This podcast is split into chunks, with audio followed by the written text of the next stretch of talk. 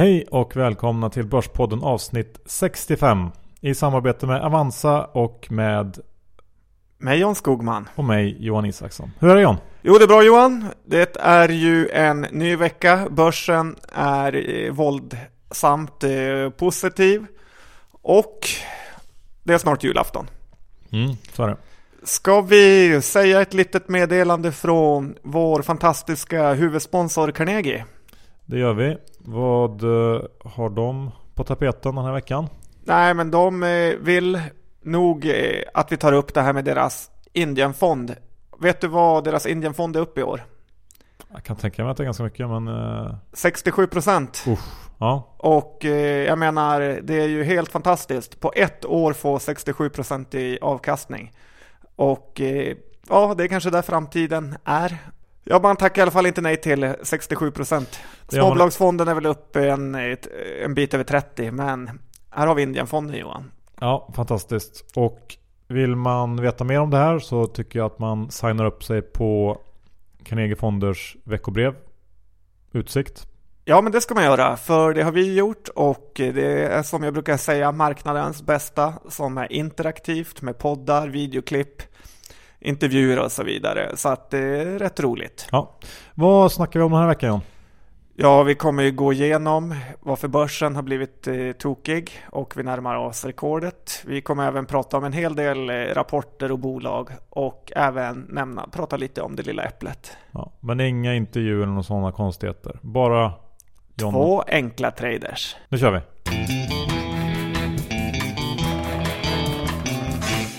Johan Isaksson, index 1470. Det är ju en fart uppåt som får en att nästan eh, gråta. I alla fall om man är kort.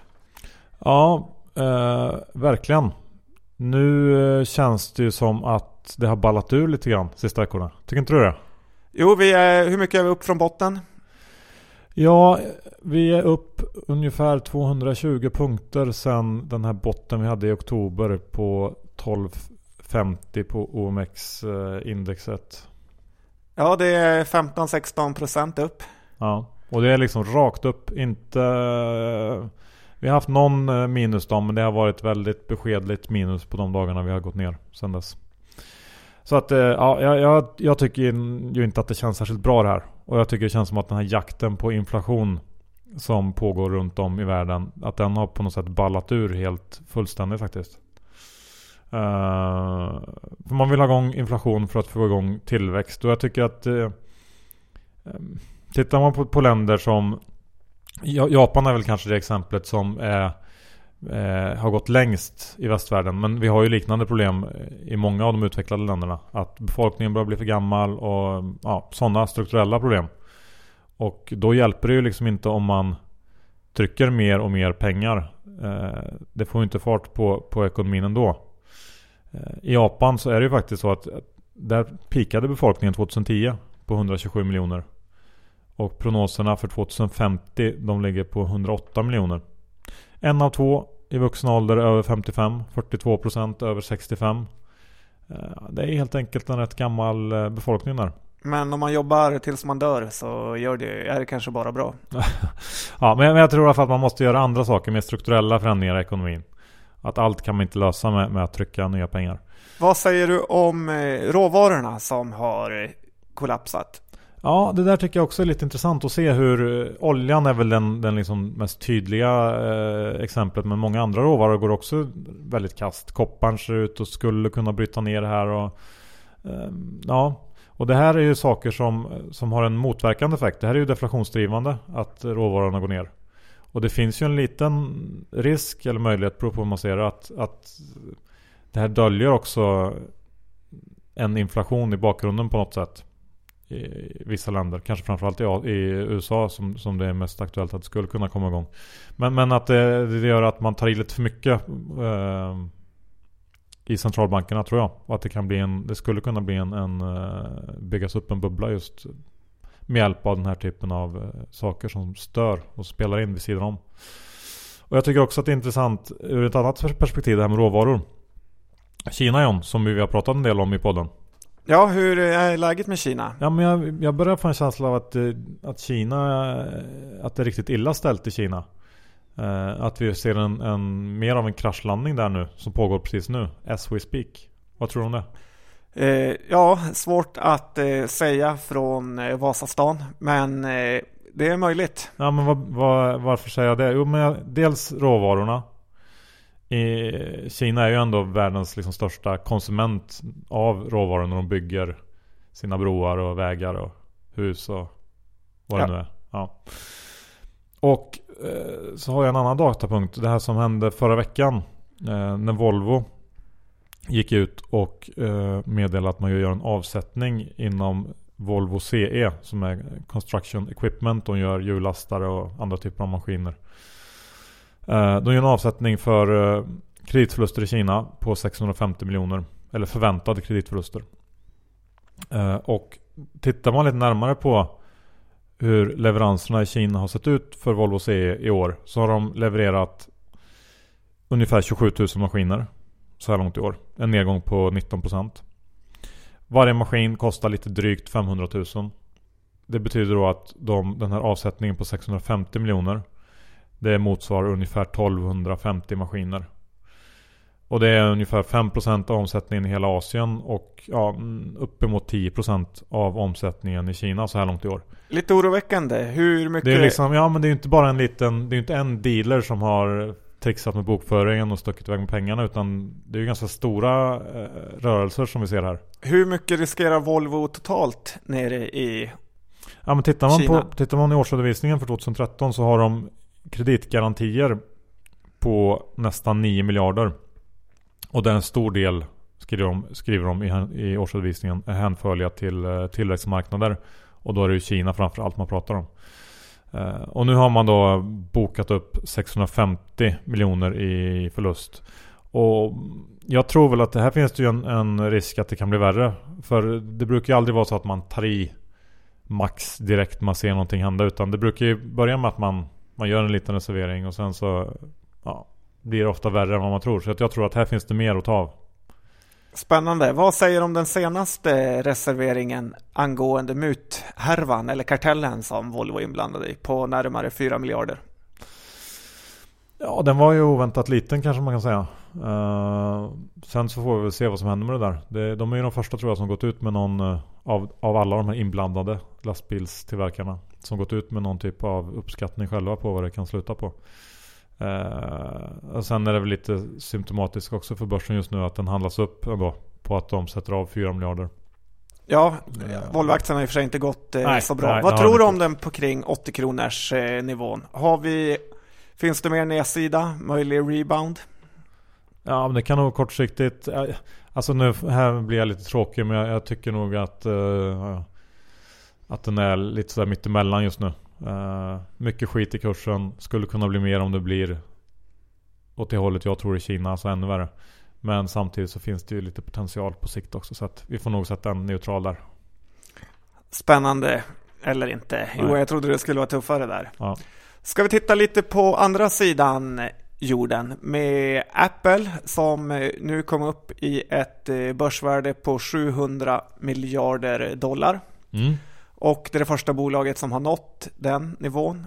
Inflationsjusterat är dock Microsoft från 99 det största bolaget som funnits. Hur stort var det då? Eh, kring 850 miljarder dollar. Okay. Om du justerar till dagens valuta. Det ser man. Ja, men, men Apple, aha, vad säger du om det då?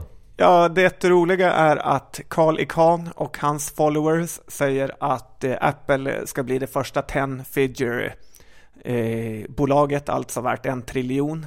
Och, så det är mer än det är 50% uppsida till ungefär? Ja, precis. Närmare, procent, närmare bestämt 40% och då ska aktiekursen stå i ungefär 171 dollar. Så att eh, ja, fortfarande uppsida säger de bästa. Jag funderar själv på att byta ut min iPhone 5 S då jag är rätt trött på den. Mm, vi får nog ta en närmare titt på Apple snart. För jag börjar känna en, en sån här sugenhet på att gå kort den snart. Farligt Johan. Ja. Ska vi filosofera lite kring eh, Carl Bennet och eh, Lifcos eh, börsintroduktion? Ja, vilken succé. Ja, det kan man säga för investmentbankerna och de som lurar av stackars Karl eh, sitt fina bolag han har jobbat i år och dagar med. Han, den här miljardären som det är så synd om. Men tänk dig Johan om du hade haft ett hus och så hade du sålt det och sen tre dagar senare hade mäklaren sålt det 30% högre. Hade du inte känt dig lite snuvad på konfekten då? Ja, om du uttrycker det så, så visst. Men eh, jag, jag, jag, tror faktiskt inte att Carl Bennet har blivit lurad av investmentbankerna till att sälja för billigt. Utan han vet vad det handlar om John. Jag tror han knyter näven och är fruktansvärt sur. Sådana där gubbar brukar ju inte vilja bjuda på pengar. Det var inte så de blev rika. Han har fortfarande fått ganska mycket aktier i Lifco.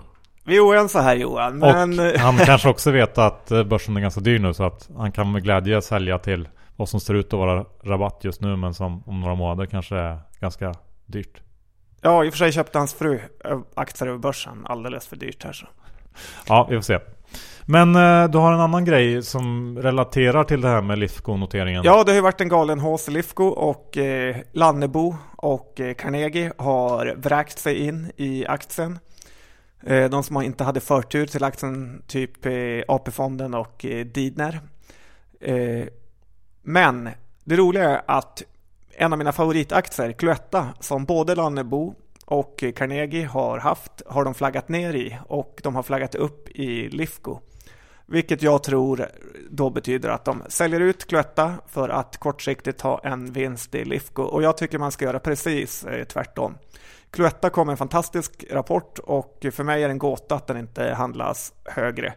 Det kan vara ett segt år, men det här är en aktie du ska ha. Så gör tvärtom mot fonderna. Sälj dina Lifco och köp eh, Cloetta. Och stoppa ner dem i byrålådan. Som man alltid gör med kvalitet.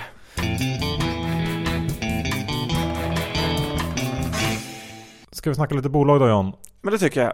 Då börjar jag med att fråga dig NP3, vad är det? Det är ett eh, litet, litet fastighetsbolag som har sina rötter i Norrland och omnejd. Luleå, Umeå, Gävle och så vidare. Folk man kan lita på helt enkelt. Ja, men precis. Det är ju frågan man ska teckna det här. Jag har sett i Börsveckan har skrivit att de eh, rekommenderar en eh, köprek. Jag får lite, lite av mastenvarning med det här. Och att eh, visst, det ser bra ut, men jag är inte alls lika övertygad om att den kommer flyga från start de här stora aktörerna som vi ser i Thule och Lifco kommer inte ge sig in här. Nej. För Amasten är ju en sån som vi hör lite så här när man snackar med folk på stan att det där ska man akta sig för. Ja. Att det är ingen riktig kvalitet i det där utan det är ett, ett snabbt ihopplockat bestånd som när det blir lite sämre tider inte kommer visa sig vara så kul att ha. Men ja, vi får se. Så att vi säger väl att man inte ska teckna då, helt enkelt. Nej, jag tycker inte det. Och ska ni teckna, ta inte i för kung och fosterland. Det är eh, möjligt att ni får alldeles för mycket då. Mm. Hemfosa preferensaktien Johan, vad ska vi signalera om den? Att uh, den har vi tittat på och vi kommer att ge vår verdict i vår kortpodd Veckans aktie som vi kör varje vecka med Veckans Affärer. Ja, så gå in där på torsdag och eh, hör vår åsikt. Ja. Krävs lite längre utläggning än vi har tid med här. Sen har det varit en liten Umeå-beef mellan Vitek och eh, Viteks VD och eh, Börspodden John mm. i och med mitt uttalande om deras eh, härva med Hemnet. Mm. Och eh, Martin Lindgren, direkt reporter, var på dem direkt och eh, förhörde. Han hävdar väl att eh, Vitek inte driftar Hemnet, eh, vilket de säkert inte gör, men att de inte heller drabbas så hårt eh, om eh, mäklarna slutar använda Hemnet. Nej, precis. Han menar väl att det spelar inte så stor roll var annonserna kommer. Men vi, vi eller vill du säga någonting om det speciellt? Nej, för det första vill jag säga att vad en börspodd än säger så säger vdn alltid eh, tvärtom. Så att eh, det ska man väl inte ta för hårt och det andra är ju att eh, det kommer ju upp många uppstickarkonkurrenter som mäklarna är mer sugna på än att använda Vitex outdatade system. Ja, vi har ju fått lite sådär respons på vår Börspodden-mail här efter förra veckans avsnitt. Från eh, folk som jobbar som mäklare och som menar att eh, ett stort problem för Vitec är att de inte har någon, någon typ av eh, connection mellan eh, systemet och eh, de här CRM-systemen som man har för att hålla koll på kunderna. Vilket är en stor nackdel för Vitec och att det nu kommer upp många nya konkurrenter som är lite skarpare och bättre. Svårt för oss att avgöra om det verkligen är så men ja, det är möjligt att, att det blir lite mer press på, på den marknaden. Men Vitec över 130 är ett eh, sälj för mig. Sen ska jag säga lite om Thule Johan. Kom Thule, in mm. på 80 Sen ska jag säga lite om Thule Johan. Den gick in på 70 kronor fick man teckna. Tilldelningen var i praktiken obefintlig. Man fick några få procent. Eh, handlades i 80 som första avslut. Så mm. bra för de som fick aktier. Vad säger du om värderingen här? Ja, jag, jag kollar bara som snabba spår och tyckte, var väl inte jätteimponerad. Så att jag, och på 80 kronor så är jag definitivt eh, ingen köpare av det här. 70 möjligtvis men jag, jag misstänkte att jag inte skulle få så mycket så jag orkar faktiskt inte skicka in någon eh, teckning. Du då? Teckna och sälj Johan. En tanke i tiden.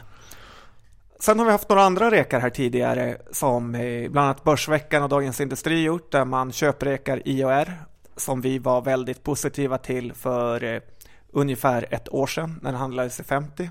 Inte lika positiv kring 83. Ja, där ser det väl mer, um, mer fullvärderat ut kan jag tycka i alla fall. Men um, ja, det gäller att lyssna på Börspodden i tid. Varje gång dessutom. Sen har ju Cellavision fått sig en eh, upphåsning. och jag kan personligen inte förstå hur det här projektbolaget som har bytt VD kan handlas till de här multiplarna. Att P17 på nästa år är någon typ av fyndvärdering i ett projektbolag som dessutom är rätt eh, litet. Nej, jag står över den och eh, köper något annat istället. Okej, okay, vad har du mer då? Consilium kommer rapport. Ja. Uppspekarnas uppspek med ett bolag som har varit eh, riktigt surdeg i många år. Har kommit nu in med några fina rapporter och de verkar få ordning på torpet. Eh, däremot har bolaget varit undervärderat på 30, 40, 50 kronors nivå. Nu är det uppe i över 60 och den här rapporten visar att det var en bra rapport men värderingen har dragit förbi vad bolaget eh, eh, presterar. Så att jag säljer, jag väljer att sälja här om jag hade ägt några. Eh, sen har vi ju Transmode, bolaget som vi har gillat väldigt mycket en gång i tiden men som har haft en katastrofal utveckling i år. Ja, men, men kursrörelserna i den här aktien är ju helt fantastiska. Ja. Eh, hur, den var nere i 55 och nu är den uppe i 72. Hur, vad som rör sig bakom de här feta kursrörelserna känns ju väldigt underligt. Eh, för eh, det har inte kommit ett enda pressmeddelande i princip från de här. Så att det eh, händer något så follow it up. Avslutningsvis John, SAS. Det känns som att du har ett segment med SAS i nästan varje avsnitt av podden. Vad vill du säga idag? Jo, men jag är den enda personen i hela Sverige som är positiv till det här bolaget. Och eh, vad kul för alla som lyssnade på veckans aktie förra veckan som har fått en rejäl eh, körare eh, i, på uppsidan i SAS. Men nu vill jag flagga lite för preferensaktien och eh, jag säger kring 420 under. Det är keep on buying. Det är inga konstigheter. Det är billigt menar du? Ja, det är billigt. Det är 12,5% i avkastning. Så... Du tycker det är för defensivt? Du tror helt enkelt att man är lite för rädd för eh, nedsidan i SAS som det ser ut nu? Preferensaktien har inte hängt med i den stamaktiens uppgång och de tycker jag ska hänga upp ganska väl. Så på 420 är det bara att köpa.